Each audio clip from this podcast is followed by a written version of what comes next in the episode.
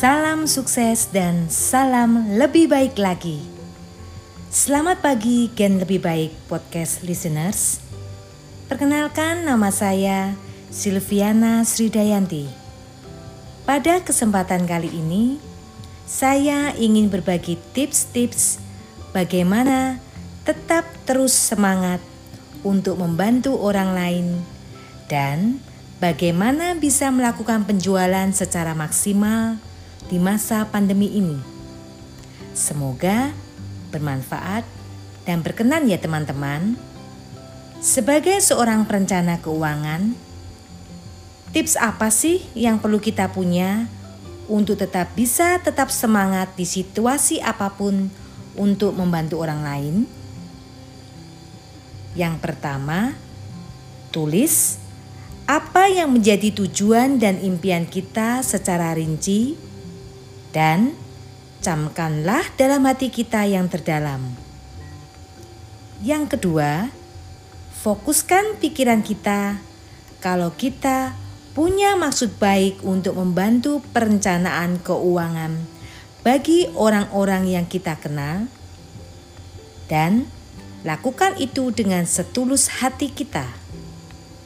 Yang ketiga, jangan lupa rubah mindset kita ya teman-teman. Jangan berpikir negatif, tapi harus selalu berpikir positif, berkata-kata positif, dan pastinya berbuat positif dong.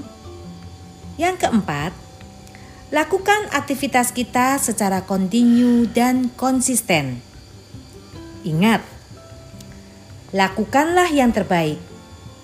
Sejauh mata memandang, telinga mendengar, hati merasakan, pikiran menganalisa, selama produk dan jasa yang kita jual bermanfaat bagi yang membeli maupun yang menjual, lakukanlah.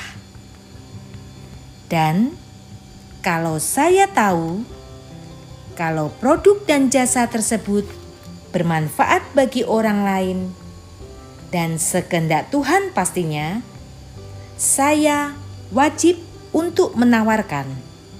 Jika tidak, maka saya berdosa. Always pray, stay positive, and never give up. Hal ini yang membuat kita bisa tetap bersemangat untuk tetap bisa membantu orang lain, karena Pekerjaan kita pekerjaan yang mulia teman-teman. Sekalipun ada orang yang punya respon yang kurang baik, kita harus tetap semangat.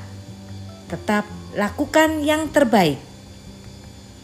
Oh ya teman-teman, pastinya pernah dengar quote dari Charles Darwin yang mengatakan, bukan spesies yang paling kuat yang bisa bertahan bukan pula yang cerdas, tapi mereka yang paling responsif terhadap perubahan. Begitu pula di masa pandemi ini, teman-teman, kita tidak pernah tahu kapan pandemi akan berakhir, tetapi yang pasti kita perlu tahu kalau kita tetap harus bisa bertahan dan mencukupkan setiap kebutuhan kita, baik atau tidak baik waktunya. Oleh karena itu, sebagai perencana keuangan, kita tetap harus bisa memberikan informasi yang benar terhadap semua calon nasabah kita, supaya mereka bisa menjadi nasabah kita dan penjualan bisa terjadi. Nah, tips-tips apa saja yang perlu kita persiapkan supaya tetap bisa melakukan penjualan secara maksimal di masa pandemi ini?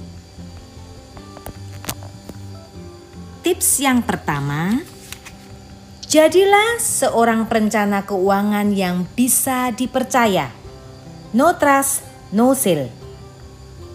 Tips yang kedua, Jadilah seorang perencana keuangan yang menguasai produk yang akan kita tawarkan secara detail, sehingga kita bisa memberikan informasi dan manfaat produk seperti yang dibutuhkan nasabah, maka pasti akan tercipta penjualan.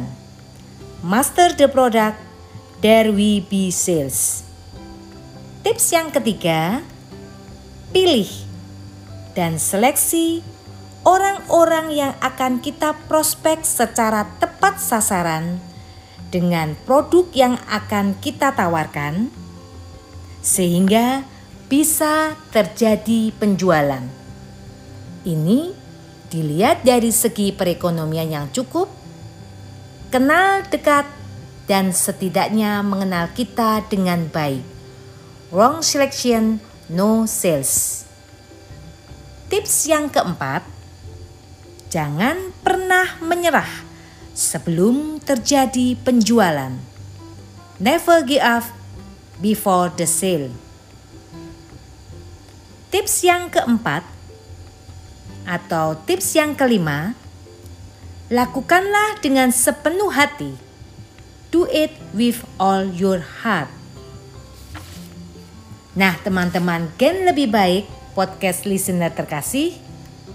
Itulah tips-tips yang bisa Silvi sharingkan pada kesempatan kali ini.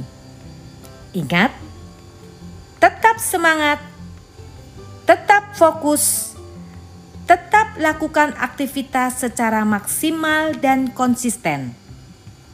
Selalu berpikir positif dan pantang menyerah.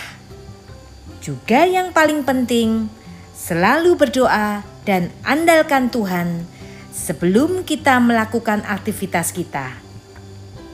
Saya bisa, Anda bisa, dan kita semua pasti bisa beri yang terbaik.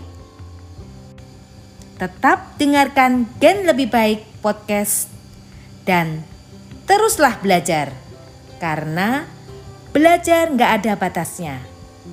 Sampai jumpa di lain kesempatan. Power, level up, fire up. Terima kasih.